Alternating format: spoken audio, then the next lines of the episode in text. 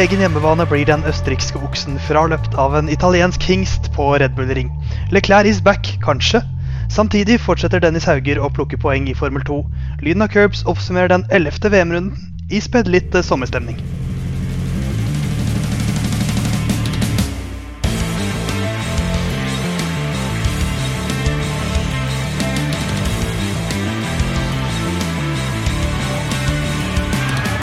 Lyden av Curbs tilbake midt på sommeren. Eh, en slags sommerspesial eh, hvor vi skal eh, selvfølgelig ta mye for oss det som skjedde på Red Bull Ring i Østerrike. Det er den 20. episoden av Lyden av Curbs. 20 samme antall pole positions som Walter Bottas har. En mann som jo er hjertet nært eh, både meg og Herman, og kanskje litt Jon Halvdan også. Også samme antall seire som Mika Hacken har. Og det er en mann som du er glad i, Jon Halvdan. Eh, absolutt. Eh, Mika Häkkinen eh, var jo min favorittfører når det gjaldt duellen mellom han og Michael Schumacher. Og jeg mener jo at han stoppa hegemoniet til Schumacher. Ikke sant. Men Jon Halvdan, du som er så god på teknikk og sånt, hva skjer med lyden i dag, da? Den er, den er ok, men ikke like skarp som den pleier å være, kanskje? Ja, For de som har jobba på hjemmekontor eh, de siste to, eh, snart eh, tre åra, de, de kjenner igjen lyden din spesielt som litt uh, Zoom-aktig lyd. Uh, Men uh, jo, vi sitter jo på hver vår plass. Jeg sitter hos svigers i Grimstad og tar opp herfra. Ja. Så jeg har dere to på skjerm, ikke i samme rom som det pleier å være. Ja, Vi har allerede hørt min stemme. Jeg sitter på Sagene i, hjemme hos meg selv eh, og prater trådløst. Mens du, Herman, du er også et sted Du har ikke diabetes, og det kommer du nok neppe til å få heller, hører jeg rykter om. Ja, stemmer. Jeg var jo hos fysioterapeut i dag, som mente at eh, mine store beinmuskler ville gjøre at jeg aldri ville få diabetes 2 og en rekke andre sykdommer som ja. jeg ikke trenger å nevne. Men det var jo oppløftende, og jeg føler på en måte at jeg har, eh, jeg har fått et slags ekstraliv, da. I, Ja. Hvis det hadde vært et Mario-spill eller noe sånt noe. Så du har ikke fått ditt eget liv i gave? Ja. Jeg kjenner jo deg, eh, så jeg vet jo at det ikke stemmer. Men med eh, den beskrivelsen så er det litt som skipperne armer, bare bein eh, på deg, høres det ut som. Ja, det stemmer jo. Fordi eh, sånn jeg har da beskrevet det nå de, siden jeg var der, er at eh, jeg tydeligvis da har muskulatur i bånn, og så er jeg en levemann i toppen. Så der skal jeg da se hvor mye jeg kan eh, rett og slett eh, kompensere for de tydelige da beinmusklene som, som er noe positivt ved, da. En ekte levemann eh, der, altså. Eh, Vi skal jo ta tak i eh, det som skjedde i Østerrike. Det er en liten stund til det skjer noe videre i Formel 1-sirkuset. Frankrikes Grand Prix er neste. Så da har vi masse tid i dag til å dvele litt ved det løpet som har vært. For det blir en relativt vanlig episode av Lyden av Curbs, men kanskje litt løsere snipp enn du er vant med fra vår velproduserte hverdag. Og vi kan jo begynne med å gjøre det vi pleier å gjøre, nemlig å oppsummere løpet på 60 sekunder. Eh, Og Herman, det er ikke din oppgave denne gangen. Nei, Men det er- like greit. Din eh, beste venn i hele verden, Jon Halvdan Halvorsen, eh, som har det ansvaret. Og Jon, hvordan føler du på det ansvaret nå? Eh, Det jeg føler at det kom litt overraskende på. eh, Burde selvfølgelig ha skrevet det her umiddelbart etter løpet. eh, Skrev det umiddelbart før sending i stedet. Eh, Så det kan godt hende at noen detaljer uteblir. Eh, Det blir Men det får vi se. Ja, Så du har ikke tenkt å f.eks. Uh, ta og spille en video samtidig, uh, og så lese Altså bare si det som skjer i videoen, slik Herman prøvde seg på? Nei, jeg ville aldri synke så lavt. Nei, da hadde ikke jeg sant. heller uh, bare skrevet noen stikkord og prøvd å prate om det. Eller kikke ut av vinduet og beskrevet det i stedet. Men det er, jo, det er jo en stor sjanse for at han eh, kan jukse her. Eh, For han er sitter jo. Vi har jo ikke mulighet til å se han, så hvis du er for nærme, så kommer jeg til å stemme for at eh, tida vil strykes. Bare sånn at, du, bare sånn at det er nevnt.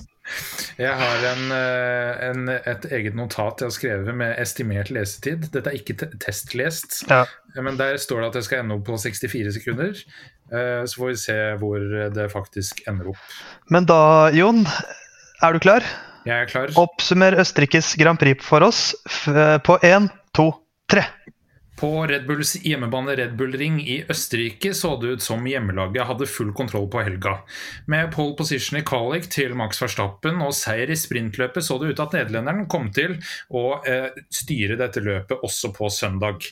Da starten gikk, beholdt Verstappen ledelsen, og på første runde tok Russell en Hamilton og sendte Peres ut i grusfella i sving fire. Verstappen skapte raskt en luke til Charles Leclerc på andreplass, og så ut til å skulle cruise inn til seier. Det ville ikke Leclerc ha noe av, og kutta luka ned til DRS-avstand. Ferrari virka å ta bedre vare på dekka og ha mer race pace. Verstappen og Red Bull forsøkte iherdig med å pitte tidlig til harde dekk. Da Ferrariene kom ut på nye dekk, lå Verstappen foran, men avstanden ble raskt kutta, og Leclerc kjørte forbi. Science virka også i fyr og flamme, men i stedet for å kjøre forbi Verstappen, tok bilen fyr, og han måtte bryte. Det ble dermed ingen Ferrari 1-2-seier, og Leclerc vant for, foran Verstappen, og Hamilton etter trøbbel i kvalifiseringa tok en imponerende tredjeplass. Ja, Max Verstappen der, altså. Hva har du på din klokke, Herman? 1.02 har jeg. Ah, ja, 1.03, så da sier vi 1.02,5. Ja. Så det, er, det syns jeg er innafor, og det er også troverdig. Ja, er er ikke det minst. det? Er det det? Ja, jeg syns det. Eh, men, eh, men altså for meg, som er vant med å være veldig langt unna, så er det jo virkelig ikke troverdig. For jeg skjønner ikke hvordan det er mulig å være så nære. Men, eh, men det er godt jobba, Jon. Et løp vunnet av Charles Leclerc foran uh, Max Verstappen. Første løpet eh, som Charles Leclerc vinner uh, hvor han ikke har starta i pole position. Eh, Så han gjør egentlig litt det som Max Verstappen har pleid å gjøre her.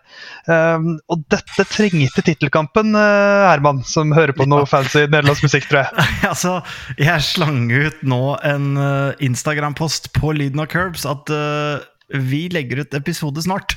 Og da dukka det opp da, fra min egen post i den Lyden av Curbs-feeden, som dere hørte da et mikrosekund av der. Så det tar jeg litt sjølkritikk på, sånn eh, når det kommer til akkurat avvikling av sending, at den plutselig heiv seg på der. Men eh, ja. Men hva syns du om, eh, om løpet til Charles Clair og viktigheten for spenninga i VM? Nei, eh, det var viktig. For jeg syns jo det var litt synd både for fører-VM og konstruktør-VM at Science røyk ut. Det hadde vært morsommere å få inn en ekstra Ferrari der, og uavhengig av hvem eh, side man holder med, så er det jo alltid ønskelig å få eh, altså, en jevnest mulig kamp både på fører- og konstruktørsida, så jeg syns jo det var litt uh, synd, egentlig. Det var jo synd for løpet isolert sett òg, så det var en liten nedtur. Men uh, jeg syns jo Ferrari kom veldig sterkt tilbake, da, hvis vi begynner i den enden. Altså, vi slakta det jo litt sist, og plutselig nå så så det ut som de mestra egentlig både uh, hvordan de skulle avvikle løpet og strategi og gjøre endringer underveis og hele den pakka der, så det så jo faktisk veldig bra ut for de, de røde, bortsett fra en bil som brant, da. Eh, Ja, altså eh, det, det ser jo aldri bra ut med brann. eh, og Det så ekstra ille ut, den der situasjonen til Science, når han kjører opp i oppoverbakke med en brennende bil, står og vifter på Marshalls. Det er jo selvfølgelig ikke brekk på Formel 1-biler, så han kan ikke stoppe bilen på noen, noen som helst måte. Og må egentlig bare pælme seg ut av den bilen. Får vel stoppe han inntil reklameskiltet der, men sånn veldig positivt ser det jo ikke ut for eh, Ferrari, som hadde jo også noen sånn eh, gassproblemer, eh, gasspedalproblemer for eh, Leclerc, som klagde mye på eh, eh, at den eh, ikke gikk ut eh, da. Så det virka som eh, Sky-kommentatorene drev i hvert fall og spekulerte om han dro den tilbake med foten sjøl. Ja, for det, var, eh, det ble jo noen veldig interessante siste runder der, hvor uh, egentlig det virka som om Leclerc og Ferrari hadde god kontroll. Så kom disse problemene uh, i stadig større grad. Men uh, jeg, jeg husker ikke, Jon, for jeg var så fokusert på klokka, men nevnte du sprintløpet i oppsummeringen din? Eh, ja, med ett ord.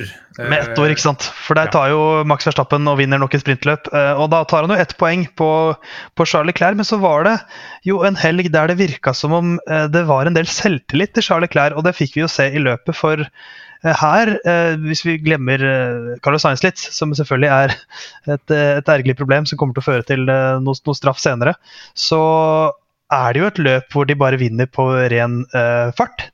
Eh, og det eh, er også noe som VM eh, trenger.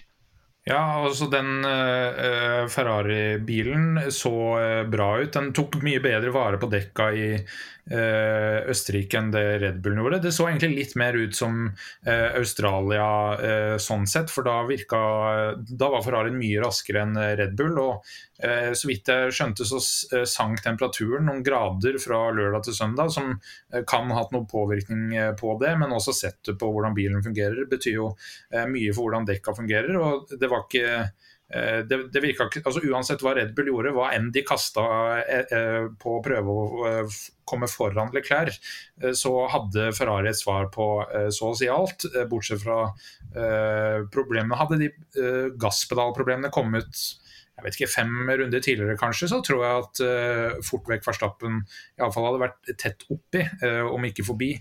Fordi det kosta de en del rundetider. Ja, det gjorde det jo. I hvert fall når det blei safety car som det blei. Så de fikk gå inn på samme For det var det som endra litt uh, hele, Altså endra jo hele løpet. Når de kom ut på samme dekk der og den strategien på en måte blei kasta litt på, på dør. Uh, så er jeg enig i det at det var greit for Ferrari at ikke den uh, problematikken med gasspedalen oppsto noe særlig før. Um, og så er det jo det er problemet med science, da, at bilen tar fyr. men hvis man, hvis man, tenker at de får bukt med de her eh, problemene sine med å ikke få bilene til å fullføre, så syns jeg jo vi må hylle liksom, strategien her òg, da. De virka jo både til å stå, de var veldig uh, standhaftige på hva de virka til å ha planlagt i starten. Når Verstappen går inn tidlig så, og de så ut til å være raskere, så tror jeg det er lett å kopiere de og være litt konservativ og bare gå inn på samme strategi som Max. Men de lå jo ute og tapte tid i det store bildet, men så gikk inn seinere. Um, ja, jeg syns de virka til å være egentlig spot on hele helga på, på, akkurat de tinga der. Det, var, det tror jeg de trang jeg likte selvtilliten. For de var ikke, det var ikke sånn at de, de, så seg litt blind, de så seg ikke blinde på track position. De, de, så at de hadde klart å ta og kjøre forbi Verstappen én gang. Og da, da, hadde de selvtilliten som det kreves for å da tenke at det kan vi gjøre igjen. Vi, vi trenger ikke å, og, å, ha track position her. Vi kan gå for bedre dekk. Så, så, veldig godt å se. Og så blir det jo en litt sånn uh, fortsatt en OK helg for Max. Han, han, taper jo ikke så mange poeng. Han, uh, han vinner sprintløpet, og der tar han ett poeng. Og så tar han også raskeste runde, så da fjerner han på en måte to poeng fra andreplasstapet. da. Um, men uh, også blir jo det en litt merkelig helg for Sergio Perez, som ender uh, i en uh, krasj. Men men summa summarum så er plutselig ikke Red Bull så, eh, så uovervinnelig som man kanskje trodde. Jonathan, Og det er jo selvfølgelig vondt for et, eh, et oksehjerte som deg. Nei, altså det går fint. Jeg syns uh, Sier han og så gråter. ja, tårene renner nedover kinnet. Jeg, altså, det jeg alltid har sagt at det jeg først og fremst vil ha en sesong, er at sesongen er tett. At det er jevn fighting, sånn som sesongen var fjoråret. Uh, og i tillegg, uh, hvis det er oppfylt, så ønsker jeg at det er Max Verstappen som vinner det. Knepent. Nå har vi jo ikke helt fått det enda, men nå er vi jo da bare halvveis i sesongen. så det er jo fortsatt muligheter for at Leclerc kan kappe inn både 10, 20, 30 og 40 poeng i løpet av de neste 11 rundene. Eh, og så er det jo litt sånn hva skal jeg si, greit eller ok da, at det er eh, litt sånn banespesifikt eh, hvor bilene fungerer bedre, og også avhengig av uh, været. Så uh, alt i alt så syns jeg at det ligger an til å bli en uh, mer interessant sesong enn det det så ut som, iallfall. Uh, så må jo Ferrari opprettholde den formen de har nå. Det var vel i forrige episode at du eh, mente at både fører- og konstruktør-VM var eh, avgjort. At Red Bull eh, kom til å stikke av med begge og Verstappen med, med fører-VM. Er du like sikker på det nå, rival Halvdan? Ja, Det jeg vel sa, var at Mercedes er ute av uh, konstruktør- og førermesterskapet uh, uansett. Uh, og det står jeg fortsatt ved. De har fortsatt klart tredje beste bil. Og vi har vel alle tre vært litt hva skal jeg si, nedpå sesongen. At det så litt mindre tett ut enn det man kanskje kunne ønske. Eh, så for meg så er det optimalt at det blir litt tettere. Eh, men eh, til syvende og sist så vil jo jeg selvfølgelig at Verstappen vinner. Vært ærlig på hele tiden.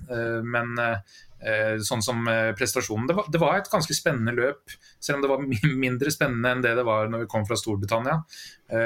Men jeg tror nesten de har satt rekord i forbikjøringer, og det er jo positivt på sesongen som helhet. da. Det skjedde veldig mye uh, hele tiden. Uh, jeg, så, jeg, så, løpet i reprise, uh, og det var sånn Da er det jo alltid litt vanskelig å følge med på samme måte, men, men dette løpet klarte å holde meg ganske bra. et par ord da om Peres også. Han har jo vært en liten jojo Um, opp og ned. Uh, og dårlig kvalifisering, kjører veldig veldig bra i sprintløpet. Fra 13.-plass opp til 5.-plass. Uh, og så kommer uh, en klassisk Mercedes, har det jo blitt. En klassisk Mercedes på Red Bull-situasjon på Red Bull Ring, hvor en Mercedes tar ut en, en Red Bull. men da vi, vi, de har jo drevet og spekulert i at nå kommer Carlos Sainz og skal ta alle klær, og nå kommer Perez og kan utfordre Verstappen. Så skjer jo ikke det, selvfølgelig. Uh, så jeg føler litt med Perez, uh, Herman. Ja, har du noe medfølelse? Kan, uh, ja, det har jeg selvfølgelig, men jeg syns ikke den situasjonen mellom Perez og Russell var sånn altså, superkrise. Jeg syns fort at det jeg syns det var racing, eh, race incident, det at eh, begge to kunne gjort ting litt annerledes. Er, altså, Russell skvises jo litt på, på curben, som vi liker, eh, gjerne i flertall, da, eh, og på en måte skli litt, ser det ut som. Og ja, han kunne sikkert bremsa og sluppet forbi, men det er, jo, det er jo tett og jevnt, det er tidlig i løpet. Eh, Peres må heller ikke forbi der, så jeg har ikke noe sånn sympati for at det ender som det gjør når han agerer som han gjør, men eh, det er selvfølgelig kjedelig igjen da, også for eh, fører, eh, særlig for fører-VM, da, for jeg skulle gjerne likt å se at Verstappen hadde en, eh, en rival tett oppi der. Men, men ja, jeg, jeg, har ikke noe sånn voldsom sympati i akkurat den aksjonen. Altså, for der syns jeg det er litt strengt at Russell ender opp med tidsstraff. Er du enig, Jon? Eller tilbøyelig til å være enig, eller dunkende uenig? Eh, altså det er eh, jo sånn at eh, presedens betyr noe når man skal eh, utdele straff, og det er blitt utdelt straff eh, på fem sekunder både i den svingen, på samme manøver flere ganger. Eh, også i Brasil på tilsvarende manøver, da var, da var det Hamilton. men, og det ble jo gitt ti sekunder på samme mellom Hamilton og Verstappen på lignende eh, hendelse i eh, Storbritannia i fjor. Eh, så straffa i seg sjøl liksom, syns jeg er grei nok. Jeg er mer kritisk til at Peres velger å sette seg i en sånn situasjon. For det er veldig vanskelig å kjøre forbi på utsida inn i sving fire i Østerrike. og det har gått galt mange ganger før. Det gikk vel galt med Stroll, nei, Fettel også i løpet her. så mm. jeg syns det smarte og lure hadde vært å droppe det og ta det seinere, så hadde man vært i alle fall, Man hadde fortsatt vært i pit-vinduet. Man hadde kommet seg forbi i løpet av et par runder uh, uansett. Så uh, litt sånn hodeløst. Uh, straffa syns jeg er fint fortjent, men kunne vært smartere og latt den gå til seinere løp. Den med Fettel jo, altså er jo mye mer eh, ekstrem, da. Og, og, en straff er jo på en måte mer fortjent i det tilfellet der. Men, men også der tenker jeg at eh, jeg syns ikke det hadde vært noe krise hvis ikke det var straff heller. fordi på et eller annet tidspunkt så blir det jo også handle om eh, Litt sånn som i fotball, da, så skal, skal, tvilsomme avgjørelser, i hvert fall før var, gå det angripende lag til gode. Eh, mens jeg føler ikke at det skal være gitt at det er liksom den angripende bilen som skal få liksom avgjørelsene i, i sin favør. Sånn at sånn som og Jon Halvdan er jo inne på der òg, sånn som Peres må ikke angripe der. Kanskje han ikke bør angripe der heller. Uh, sånn at ja, hvordan det ser ut fra bilen til Russell så kjapt etter løpsstart han kikker sikkert i speila, prøver å manøvrere seg rundt omkring. Altså, det er så mange faktorer å ta hensyn til. da. Så at uh, Peres liksom går all in der, uh, bortimot, og ender opp sånn um, ja, Jeg, jeg syns ikke det hadde trengt være straff. Uh, flere av de jeg syns kanskje kunne gått uten å være straff òg, men, men de, de, var i hvert fall consistent da, på akkurat det der. Ja. For det er vel tre straffer som blir gitt på, i akkurat samme sving på lignende manøver, og da er det jo liksom ikke så mye å klage på heller. Men det syns jeg også er eh, Det har jo eh, vært noe eh, førerne har etterspurt også, altså at man skal være litt konsistent. Men så syns jeg også det er litt skummelt når det er sånn at det er på en måte samme situasjon. Vi har tre eksempler nå, med Albon som har endt i, i grusen, og Peres og, og Fettel. Og det, det, kan jo gi en slags sånn følelse at hvis du er på ytteren i den svingen, så vet du at du har rett uansett. Mm. Hvis du er side om side med en bil. Det, det kan jo bli litt sånn her, her, har dommerne alltid sagt at er du på ytteren side om side her, så, så har du posisjonen, og da er det din, din sving. Og det liker jeg samtidig ikke helt. At det, at det kan bli en sånn vibe med at du vet at her er på ytteren, dette er min posisjon. Ja, og så er de, de reglene blitt litt sånn der eh, gjørmete uh, nå. Fordi uh, du har liksom rett på rom hvis du er foran på Apex eller tangeringspunktet, men det er jo sånn hvor er det? Det er jo ikke gitt at det er det samme per runde. Så det er litt sånn uh, wishy-washy, hele den der uh, regelverket nå, syns jeg. Uh, men rom burde være rom. Altså Man kan ikke kjøre noen av banen. I utgangspunktet. I alle fall ikke når det er grus på utsida. Altså Hvis det betyr du er ute av løpet eller taper 20 plasser, så det syns jeg ikke funker. Jeg er enig i at, at, rom bør være rom, det er jeg helt enig i. Og uh, da er det jo litt forskjell igjen på om det faktisk er rom eller ikke. Og sånn som Hamilton da, har jo en ganske vill forbikjøring på Mick Schumacher, uh, hvor han går i det er vel svingen da etter det igjen, hvor han går på innersida av Mick Schumacher. Uh, og det også er jo egentlig litt uh, hårreisende manøver. Og jeg ville jo tenkt at hvis, hvis Mick Schumacher ikke får med seg det, og kjører sin sving på en måte sånn som han har gjort da 120 andre runder i det løpet, så hadde ikke jeg liksom syntes det var superoverraskende og syntes at han skulle hatt en tidsstraff hvis de hadde truffet hverandre, da. Men der var jo eh, Mick Schumacher årvåken, og, og, det ble en veldig fin forbikjøring sånn sett. Men, men jeg syns ikke det er gitt at, uh, at en fører liksom skal kunne forutse angrep hvor som helst og måtte manøvrere ut fra det. Støtter det. Men uh, mye prat om rom. Uh, noen sier at alle veier leder dit. For noen er rom en uh, ting man drikker. Men jeg tenker vi kan prate litt mer om, om regler. For det var mye snakk om track limits, altså banegrenser, denne helgen. I kvalifiseringen Du kan ikke huske å ha sett så mange rundetider bli sletta. og det hjalp litt også i, i, løpene, hvor det var støtt og stadig snakk om rundetider som ble sletta, og svarte og hvite flagg som ble vifta om kapp, som da betyr at du har gått over grensen grensene litt for mange ganger, og gjør du det en gang til, så får du tidsstraff. Det blei vel ikke delt ut noe tidsstraff for uh, track limits, men vi var jaggu ikke langt unna. Um, gikk det litt for langt uh, til tider og på grensen til parodisk, Jon Halvdan, eller var det litt godt å se at uh, banen stopper der den stopper? Ja, altså Marcus, uh, Erik, uh, Marcus Eriksson altså Marcus Eriksson! uh, som jo kjørte i Formel 1 for noen år siden og er vel i Indycar nå. Han etterlyste at man burde slutte å lage baner der man tjener tid på å kjøre utafor banen. og Det er jo det er sving 9 og 10 som vi snakker om, altså de to siste svingene, som er nærmest en kontinuerlig sving. det jeg jo, jo syns er litt fascinerende med det her, er at Eh, mange førere klarer å kjøre på seg to advarsler, men klarer å stoppe der. Og Det betyr ikke at det er ferdigheten det står noe på, det betyr at man utnytter det handlingsrommet som er der eh, også. Fordi ja, jeg kan tjene jeg har tre runder, det er tre advarsler du kan få før du får det sorte og hvite flagget, og så er det fem sekunder eh, ved gang nummer fire eh, tidsstraff. Eh, så de klarer jo da å kjøre helt opp til grensa, eh, og det tyder jo på en viss hva skal jeg si, kalkulert risiko på Kynisme. Her kan jeg kappe inn litt tid, spesielt hvis man da er i en undercut, overcut-situasjon med pit osv. Men det er jo helt åpenbart. altså jeg har jo et langt liv i håndballen, og der jo, møter du dommere som legger en liste litt forskjellige steder. og eh, Sånn som i forsvaret i håndballen, da, det er jo ganske brutalt. Og du drar jo så mye i trøya til f.eks. en linjespiller som det er mulig å gjøre. Eh, og hvis en dommer begynner å gi to minutter, så det blir jo litt det samme, da. Så har du x antall ganger hvor du kan ryke på det, og, og det, noe av kunsten for en god forsvarsspiller, som jeg overhodet ikke er i håndball, er jo nettopp det å mestre den, eh, hvor den linja ligger. da. Sånn at det blir jo litt det samme her. Eh, men, men når det kommer til det med track limits for min del, så syns jeg at det egentlig bare er surr. Jeg skjønner at det har en, en verdi i kvalik, fordi da er det ikke nødvendigvis sånn at man ønsker å designe en bane sånn at f.eks. en grusfelle eller en pølsekurb bak curben um, er så tett på, fordi hvis et uhell skjer eller, eller, noe sånt noe. Men, og da, da, skjønner jeg, da har det en, en verdi, men å ha track limits i løp syns jeg egentlig bare er surr. Da burde man eh, gjort noe om på banen i ettertid eller et eller annet sånt noe. Jeg, jeg syns jo banen fungerer veldig bra, men det er bare helt verdiløst. Er du også typen som mener at uh, i OL og sånn så bør man bare få lov til å dope seg så mye man vil?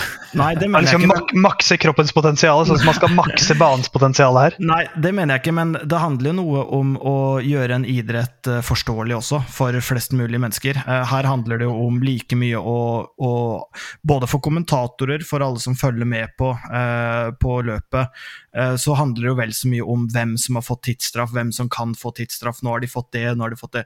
Det er et moment moment som bare er et forstyrringsmoment. Oi, ja, men hva, hva hvis Verstappen kjører utfor en gang til nå? Skjer det noe da? Nei, da får han, eh, da får han et advarselflagg. Da er det siste mulighet. Altså, det er, på kvalik så er det sånn ok, han kjørte utafor, ferdig, den tida gjelder ikke.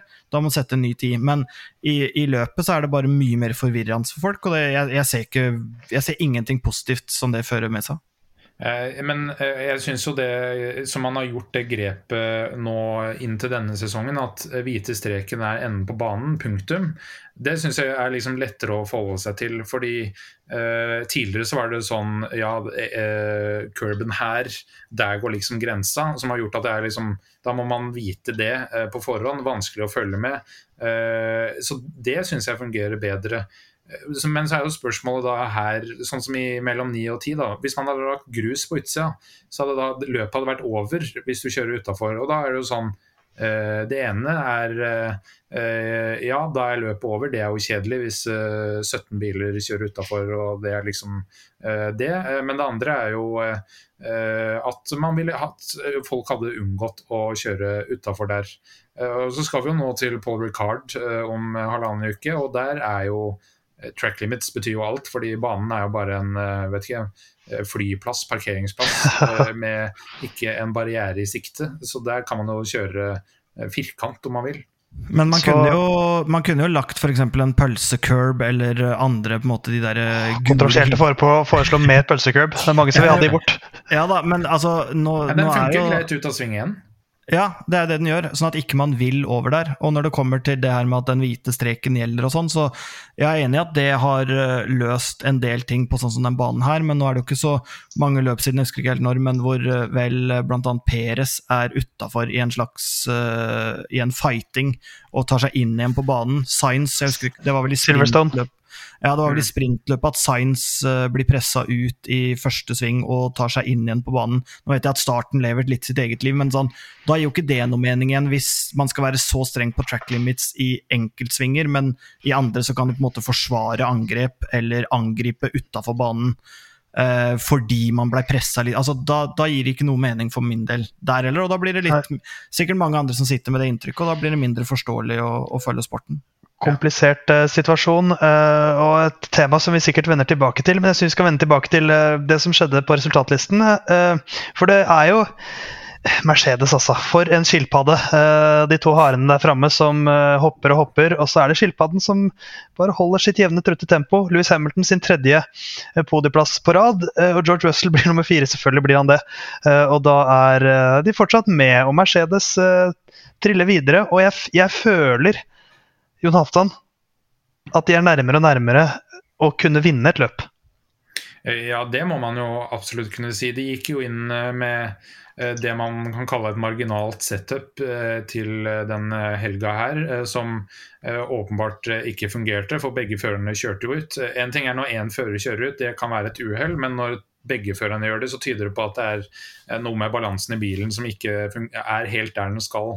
Eh, og det virka det jo som eh, at eh, Mercedes hadde anerkjent litt også i løpet, så de kunne jo ligge an til å utfordre Verstappen, hadde ting falt litt annerledes mot slutten av løpet. Men de var, de var lenger unna i dag enn det de var i, i Storbritannia. Men Eh, er jo, de er jo på bedringsvei, så det, det, kommer til å ende opp et eller annet kaosløp der ingen av de fire eh, førerne er i posisjon, altså Ferrari-førerne eller Red Bull-førerne er i posisjon til å vinne løpet. Og da kommer Mercedes til å være der og ta en seier. Og Jeg vet jo eh, Herman, at du er veldig glad i Louis Hamilton. og Det er kun én mann som har stått på podiet de siste tre løpene, og det er legenden selv. Og det varmer nok ditt hjerte? Uh, ja, Ditt diabetesfrie hjerte. ja, jeg syns han er eh, Jeg synes han er, virker som en veldig kul fyr. Nesten først og fremst utafor banen. da han, Fet musikksmak og sånt, det syns du er viktig? Uh, ikke, som, ikke, som, Daniel Ricardo, men den klesstilen til, til, Hamilton, den syns jeg ikke er feil. Uh, så jeg, For jeg du pleier å komme inn i studio med samme klesstil hver uke? Jeg skulle ønske. Uh, inni meg så har jeg den uh, klesstilen, men, uh, men, jeg har ikke baller til å pull it off. Men, jeg òg utrolig nok. Det skulle man ikke tro. Nei, nei. men jeg, jeg syns det er kult. Og, og litt Man får jo kanskje eh, oppleve Hamilton på en litt annen måte enn man, en fans fra, fra, sporten har gjort tidligere. Um, jeg er jo ganske ny i, i, sporten, og plutselig Det blir litt sånn Igjen en fotballparallell, men jeg har alltid tenkt sånn Hva hvis Pep Guardiola tok over Reading i, som fotballklubb, liksom, og bare trent i altså Hvor bra hadde de blitt? Hadde, hadde sikkert kommet opp til Premier League ganske kjapt. Kunne de vinne i den om fem år? Altså De der tankeeksperimentene der, litt det får vi jo se med Hamilton nå. Så var det jo litt skuffende i starten sammenligna mot Russell, og nå har han jo egentlig levert. da, Og jeg vil jo tro at, eh, at han får seg en race-win i, løpet av, i løpet av den sesongen her. Og Der har vi jo en, en, jevn duell også, Jon. For det er ganske langt mellom Leclerc og Science. Det er ganske langt mellom Verstappen og Perez. Men Russell og Hamilton det begynner å dra seg litt til der nå. Det er vel 19 poeng nå der favør Russell. Ja, eh, og Nå starta jo Russell lengst fram i det løpet her, men utrolig, altså, overraskende nok så var det Hamilton som uh, tok tredjeplassen. Jeg, jeg, tror nok at uh, Det blir jo å si mot meg sjøl uh, med at Russell kan utfordre Hamilton, men jeg tror nok den avstanden der, iallfall hvis vi slutter å eksperimentere med bilen til Hamilton, at den avstanden sannsynligvis vil bli større utover sesongen. Uh, det kan hende at Russell trives mindre med bilen hva vet jeg, men uh, Hamilton trives åpenbart bedre enn det han gjorde i starten av sesongen. Uh, så jeg tror at når bilen er mer normalisert, så vil Hamilton øke avstanden. Og så, Herman, tenker jeg at vi skal ta en litt vanskelig prat for deg. Eh, for eh, vi, vi, kan jo, Jeg skal bare lese opp topp ti-lista i, i, løpet. Etter Russell da, så følger Ocon, Schumacher, Norris, Magnussen, eh, Ricardo og Alonso. Og jeg vil hoppe opp til sjetteplassen. For Mick Schumacher han har nå en åttendeplass og en sjetteplass de siste to løpene. Og Herman, har, jeg har også vært med på dette toget litt, men du har vært fanebæreren i eh, slakten rundt Mick Schumacher. Og hva skal vi si nå? For nå kjører han ikke bare raskt, han kjører modent, eh, kvalifiserer ganske godt og tar poeng. Ja, nei, det er uh, til å være Mick Schumacher i bilen han sitter i og Nei, men altså, det er jo terningkast seks. Det er jo terningkast seks, det han har gjort nå, egentlig, også på Silverstone. Eh, ikke, for han sitter ikke i den beste bilen, han har ikke den meste eh, erfaringa. Så man, man, kan liksom ikke forvente mer enn det her. Så det har vært terningkast eh, seks, syns jeg. Og det, jeg syns det har vært uh, kult å følge. Det er også litt morsomt, for med en gang han gjør det bra, så popper det jo mer opp rundt både Instagram-feed og Twitter og alt mulig, og man får på en måte se mer av han. Han dukker opp mer i, i TV-sendinger og alt sånt der. og da han virker jo som en tvers, det har han gjort hele tida, men en tvers gjennom skikkelig god fyr. Eh, så jeg, jeg syns han har underprestert. Jeg syns ikke det var så himla stor forskjell på Mick Schumacher og Masepin, selv om jeg ble eh, kritisert for å, å melde det. Så, men nå, nå, har han jo tatt voldsomme steg. Da.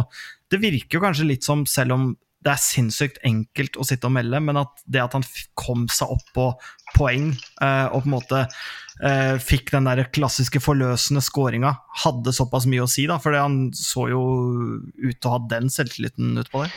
Hva skal vi si, Jon? Én eh, svale skaper ikke en sommer, er vel en saying. Men to svaler, da begynner det å bli årstid. Eh, så to, poeng, eh, to runder med poeng på rad. Og har, har Herman et poeng her med at det første poenget er det vanskeligste. Og så liksom kan han senke skuldrene litt, slippe det presset. Ja, altså, uh, og Så får vi se hvor veien går videre. Nå, nå, nå, matcher han jo Kevin Magnussen og har slått han to helger på rad. Ja, altså det, Hvis vi tar det første først, eh, så målstreken, eller eh, milepælplanen til Schumacher tikker jo flere og flere bokser. Først så er det jo å fullføre løp, det har han jo klart gjentatte ganger. Men så er det det å ta poeng, og det når man liksom har tatt de første poengene, så er det eh, lettere å ta poeng fordi skuldrene senkes. Og nå er det neste eh, Klarer han å ta podiumplass? Eh, vi har jo eh, førere også på årets tabell som ikke har klart det, selv etter eh, mange sesonger også i gode lag. Eh, Nico Hulkenberg.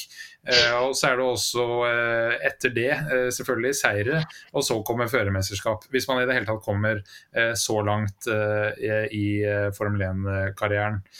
og så er det jo en Magnussen ser jo litt mer ut som eh, sånn han har gjort eh, tidligere også. altså Første løp for McLaren så tok han jo podiumplassering, og det er hans beste posisjon. Første løp i Formel 1-karrieren, men etter det så har det liksom gått liksom nedover. Og det, fremstår liksom litt likt. Så jeg vet ikke helt hva som skjer med, med danske Kevin. Om det er uh, konsentrasjonen som synker litt, eller uh, at det er liksom ikke så stas uh, lenger å få faktisk lov å kjøre. For han tar ofte sånn litt hodeløse avgjørelser og setter seg sjøl i en vanskelig situasjon. Mens Mick nå virker å bare være litt sånn arbeidsmaur og gjøre det som trengs. Eh, for å eh, fullføre poeng, og ikke satse høyere enn det han faktisk trenger. Men hvis vi hadde sett eh, den helga her uten å se på Mick Schumacher, og, og sett Kevin Magnussen på sjuende i kvalik, på sjuende i sprint og på åtte i hovedløpet, så hadde man jo syntes at det var dødsbra. Man hadde jo tenkt at det var strålende levert av, av dansken. Eh, og, og, jevnt, og han eh, kommer tilbake i Formel 1-sirkuset og leverer og har vært uheldig med bilen av og til. Og man hadde jo tenkt sånn, og så selvfølgelig så er det jo riktig å sammenligne opp mot lagkameraten òg, da. Fordi Eh, det har vært litt sånn når vi har snakka om Bottas f.eks. Ja, men uh, hva betyr egentlig det? Er det sinnssyk levering av Bottas, eller er det det bilen faktisk kan? Men, uh, men rookie Joe uh, gjør, det, gjør, det, på en måte for dårlig, da. Så, så, selvfølgelig, man skal jo sammenligne med det, men det er jo ikke sånn at det var en dårlig raceweekend av, av Kevin, men han var litt treigere enn lagkameraten, og det er jo veldig kult for, for Schumacher og, og for alle, egentlig. da. Og for uh, veldig kult for Has, som jo hever seg som lag og nå er oppe på 34 poeng. Uh, da er de et godt stykke nå plutselig foran Alfa Tauri. Uh, der har det stoppa opp litt. hva har skjedd? De, de var jo, Pierre Gasly var jo oppi der i hele fjor. Ja, nei, det, det, virker som at uh, de, de, de, venter en oppgradering nå neste race weekend. Uh, men det virker som at de få oppdateringene de har kommet med, ikke har truffet så godt. Altså Has er jo i praksis samme bilen som de hadde uh, første løpet i Bahrain. Uh, men eh, dette var jo da åpenbart en bane de gjorde godt på. Men eh, Alfa Tauri de eh, fremstår, eh, om ikke direkte svake, så virker de De mangler liksom race pace, og så virker de kanskje litt uinspirerte om dagen. Sunoda var Eh, det var vel han som sendte ut Fettel eh, ut eh, i grusbanen der òg, så det er litt sånn man må bruke, om ikke dirty triks, så iallfall de midler man har for å beholde posisjoner som man uansett kommer til å tape. Så jeg, sånn For deres del så håper jeg at de treffer bedre med oppgraderingene, så de kan melde seg på i det midtfeltet. For vi ønsker at det skal være tett Uh, og Hvis de ikke klarer å være i hele feltet, så iallfall i midtfeltet, for det er der det uh, mye action ofte er. Så jeg håper at de klarer å melde seg på etter hvert. Jeg tror også Gasly er en helt sinnssykt bra fører. Eh, det er alltid litt vanskelig å si ut ifra hvilke biler det har sittet i tidligere, og eh, hva slags utgave den bilen var mot resten av feltet, sånn, men jeg syns han virker som en veldig bra fører. da. Eh, litt prega av fjoråret, selvfølgelig, men jeg syns han virker bra, og plutselig så fungerer ingenting. Så jeg, jeg vil jo tro at det er et eller annet med bilen der som som ikke fungerer. Og enig med Jon Halvdan i at det er kult med sånn midtfeltkamp. Det var jo på et tidspunkt der hvor det var vel en fem biler som lå sånn tett i tett, og alle raca hverandre. Det var tre stykker inn i én sving, og det er jo fantastisk. Man, jeg føler man er avhengig i Formel 1 av å ha eh, kamp i teten. Det, ikke, det går hvis det er samme eh, bil, f.eks. hvis det er en kamp mellom Leclerc og, uh, og Science, da, uh, eller Red Bull-gutta. men aller helst to forskjellige lag, men en, en fin kamp i, i, midtfeltet gjør også mye for et løp. Og Da er spørsmålet Har vi mer vi vil si om løpet, eller skal vi gå og se litt på hva vi har tippa? Herman har noe siste? Jeg har noe. Daniel Ricardo. Uh, jeg syns ikke han har levert så gærent nå i det siste. Det virker som den McLaren-bilen er dårlig. Han han er jo tett på Norris hele helga, egentlig. Um, begge karrer seg vel opp i, i, poeng, og Norris foran, det er for så vidt greit nok, det, men uh, hvis man tenker hvordan Norris også har blitt lovprisa, da, og så har vi alle sammen, uh, oss inkludert, uh, slakta Ricardo, han er ferdig og alt det der, så syns jeg ikke det så helt krise ut nå. Han, det, er, det, er, jo ikke sånn at han er kanskje på oppadgående kurve, det blir vel feil å si totalt sett, men samtidig så har han har i hvert fall klart å snu det litt nå, da. Ja, men jeg tror vel Man kan eh, konkludere litt med at uh, Norris overpresterer litt uh, i forhold til bilen, og uh, Ricardo underpresterer. og Det gjør avstanden desto større. nå hadde de jo noe bremseproblematikk med bilen denne helga her, hvor Norris sa at han var redd når han kom inn i innbremsingssoner, i hvert fall i kvaliken. og det er jo styrken til Ricardo, er at han er den siste på bremsepedalen. men når bilen eh, gjør en redd når den bremser, da eh, blir en fører som Ricardo ganske middelmådig. Men totalt sett så ja. Det er mest det uinspirerte ved Ricardo som jeg håper han finner liksom litt mer at Formel 1 jo tross alt er gøy, og det inspirerer ikke den McLaren-bilen, iallfall han til. Nei, det er nok sant. Også, men jeg syns fortsatt ikke det er så krise som det på en måte var for bare litt siden. Eh, jeg syns det ser ut som altså, det, det, hadde ikke vært superoverraskende hvis han kunne hente noe ut av hatten nå i de neste tre-fire løpa, mens det hadde det vært for et par løp tilbake.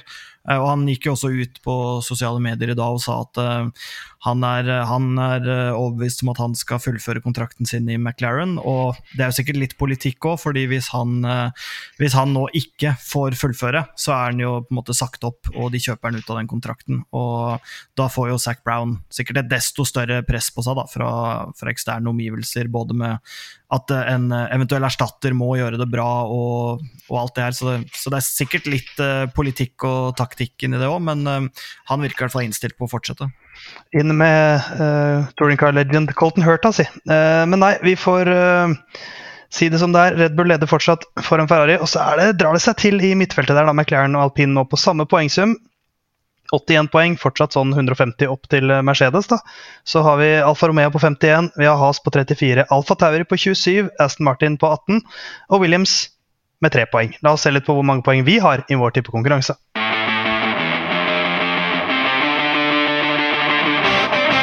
Før hvert eneste Formel 1-løp så leverer vi jo et uh, topp tre-tips og også en ukens sjuking-variant, som er der vi prøver oss på en spesiell ting som skjer i løpet av Eh, løpshelgen.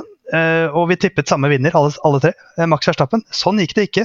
Uh, det, men vi hadde han på vinnerplass, så da får vi ett poeng siden han var på podiet. Herman og Theis tippa Leclerc på andreplass. Sånn gikk det ikke, men vi får ett poeng siden han var nummer to. Nei, siden han vant, og vi hadde han på andreplass. Og så blir det ikke flere poeng, fordi du hadde Peres på andreplass, Jon. Og på tredjeplassene så hadde vi Science, Alonso og Perez. Der var jo Hamilton. Så to poeng der. Uh, ukens sjuking. Det gikk ikke så bra med noen av oss. Herman, du hadde Latifi topp ti løp. Åssen syns du det gikk?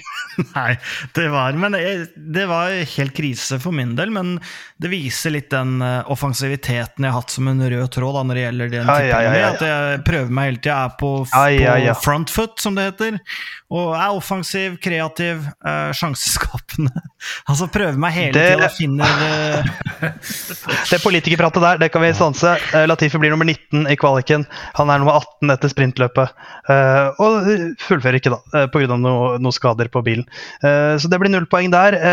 Jon Halvdan, strategi fra Ferrari med dobbeltkrasj og bryt, var det du spådde. strategien, den, nei, men strategien satt. men du skal ha for at én bil brøyt, så du var liksom nei, ja, på sporene. Men. Men altså sprintløpet, det var ikke mm. langt unna at de to uh, gikk Nei, rett i tottene på hverandre på banen. Eh, så det så litt lyst ut, iallfall uh, at jeg kunne si at det var nærme. Men eh, de klarte å la være å krasje hverandre. Ja, så kan vi jo spørre deg, Theis, eh, som sa Lennon Norris vinner i en litt pressa, situasjon da du hadde tenkt å si noe om Latifi. Hva syns du det gikk? Jeg synes det gikk så bra, han ble nummer sju. Uh, så det ble jo ikke seier, det. Så da uh, får Herman to poeng, jeg får to poeng, Jon du får ett poeng. Det viktigste for meg er at nå er jeg på 45 poeng. Ja, ikke sant. Eh, og Herman på 49. Jeg på 37. Jeg er 12 poeng bak deg, Herman. Jeg kommer og tar deg. Eh, så det går sånn tålelig, sånn tålelig for meg i, eh, i tippekonkurransen vår. Litt som Dennis Hauger i Formel 2.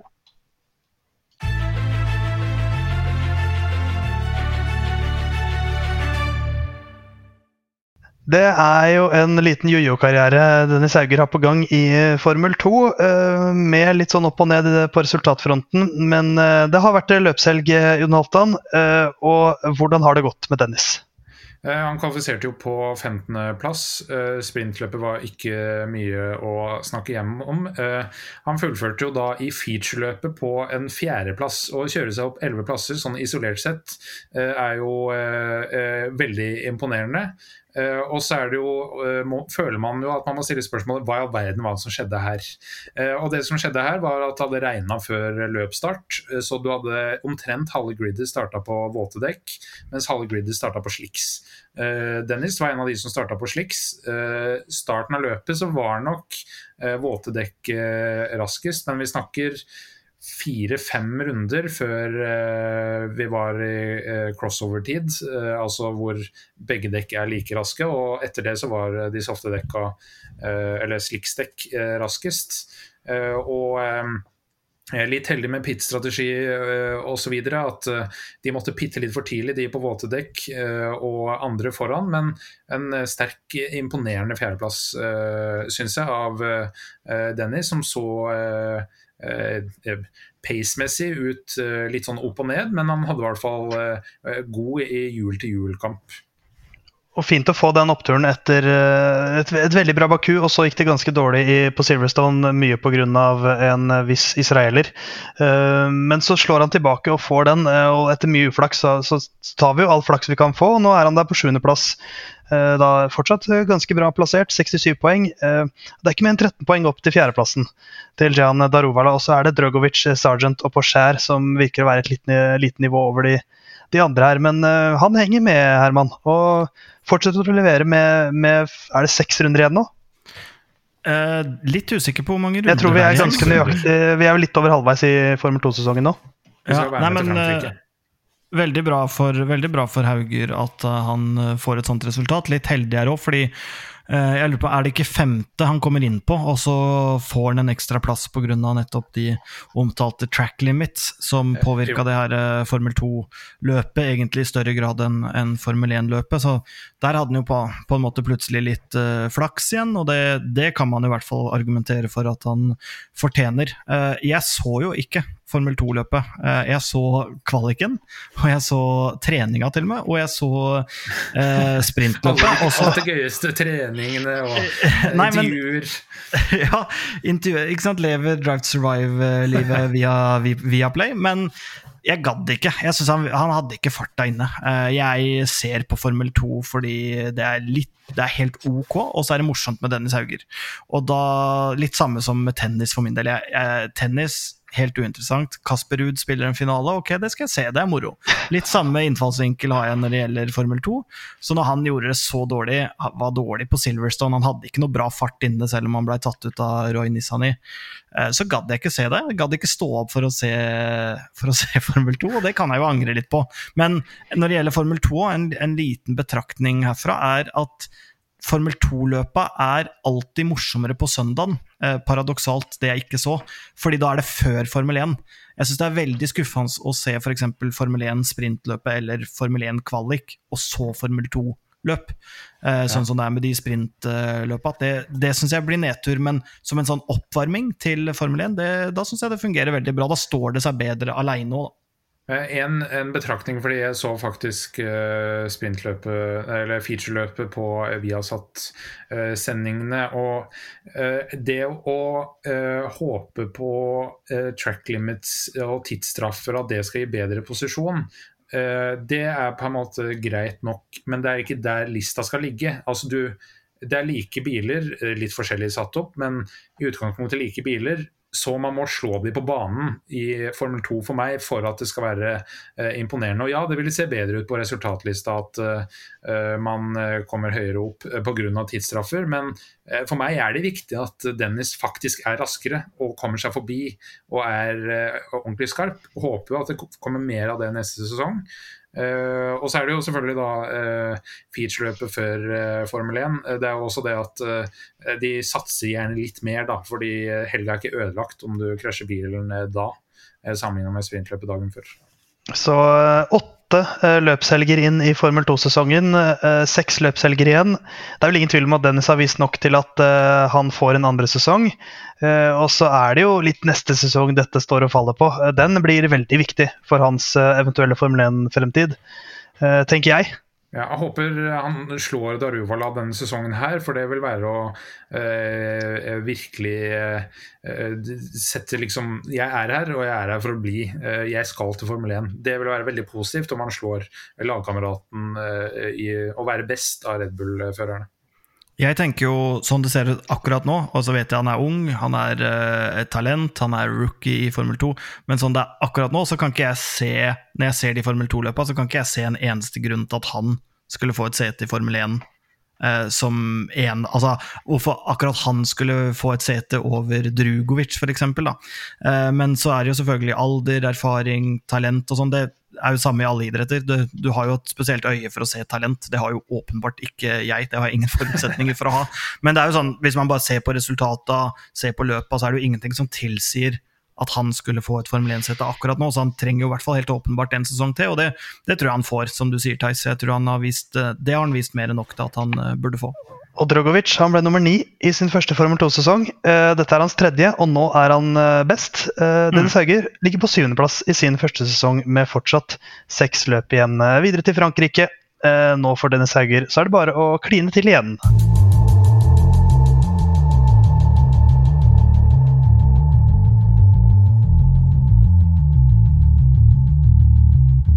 Dagens eh, episode drar seg litt mot slutten. Herman tar en slurk av en hvit monster selv om klokka er eh, ti når vi spiller inn dette, altså 22, ikke 10.00. Men eh, det blir ikke noe diabetes av monster fordi det er bare aspartam, ikke ekte sukker.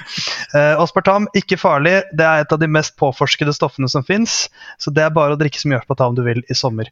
Men vi skal snakke om noe litt ja, ja, ja. Vi skal, vi skal, snakke om noe litt annet, men det er sommerrelatert. Uh, for det er jo uh, Det går til helvete med flytrafikken i verden.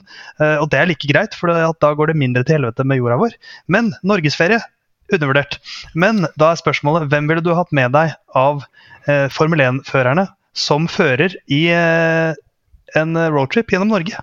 Jeg ble litt stressa når du sa at det går til helvete med flytrafikken, for jeg har jo bestilt meg en ny eh, lang ferietur med lang flytur. Ut sånn med planetbrenneren igjen der, på Borgstrøm. ja. ja. men det andre var, kan jeg argumentere for at det var jobb. Eh, det var ja, jobbreise. Men det, det, Herman, din forsvarstale, eh, den får du ta off air. Ja, eh, og da skal du heller få det ansvaret du, får, du skal få nå, som er hvilken, fører, hvilken sjåfør fra Formel 1-sirkuset ville du hatt med deg rundt omkring i kanskje, kanskje en sånn Ford Transit-vann gjennom sånn som du har vært med din kjæreste i Nord-Norge. Ja. Hvilken fører ville du hatt med deg på det? Um, da skal jeg redegjøre litt for et par alternativer, bare. Uh, for det er, det er kjedelig bare Det er kjedelig bare å si liksom, et navn. Altså, det går ikke. Uh, nå kjørte jeg dyrelyder sist. Nå tar jeg redegjørelse den gangen her. Um, et, et, ja, et alternativ er selvfølgelig Lance Stroll, komme tett på faren. Ikke sant? Komme, liksom, kan vi ikke ringe Lawrence, da? Å, du hadde hata det! Ja, nei, jeg hadde elska det. Et annet alternativ er Jeg har jo hørt en del uh, Formel 1-podkaster nå hvor de førerne har vært gjester.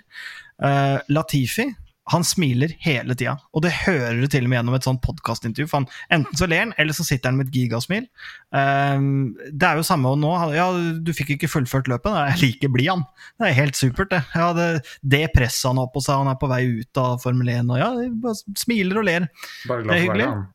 Ja, ja, men han er bare glad for å være eksistere, virker det som. Helt nydelig type. Så Men det står for min del uh, ja, Det står mellom to mann.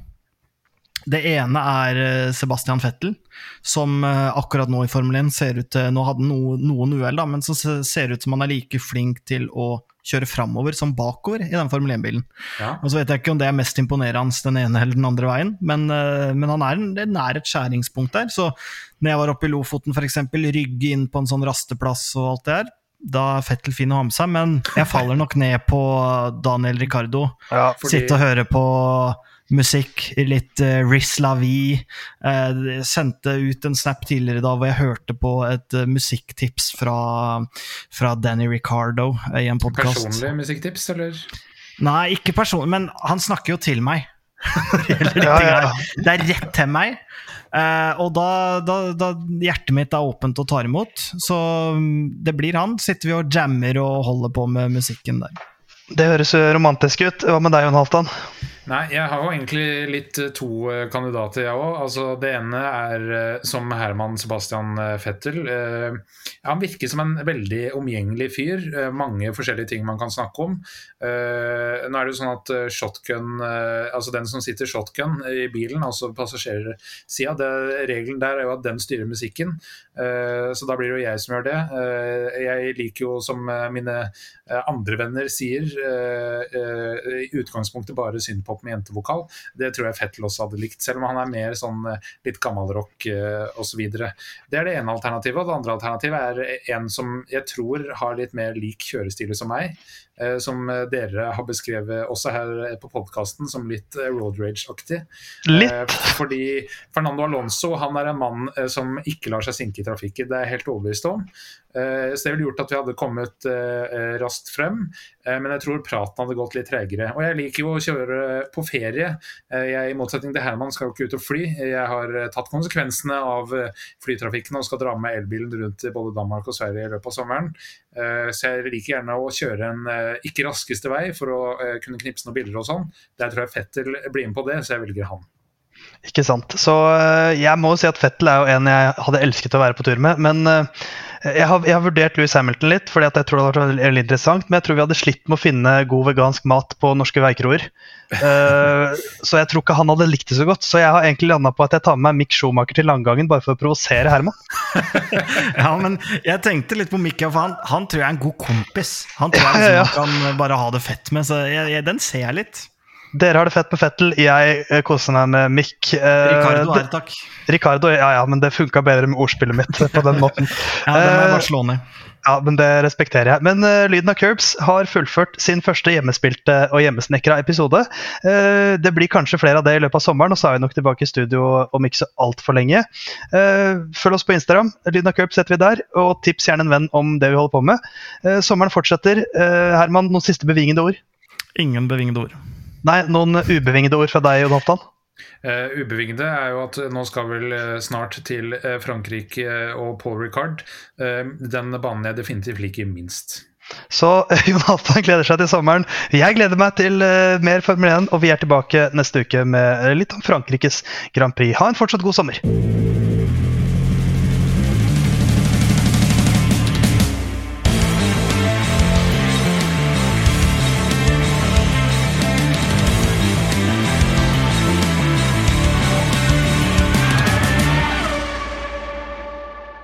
Good luck this weekend, Stroll. Thanks.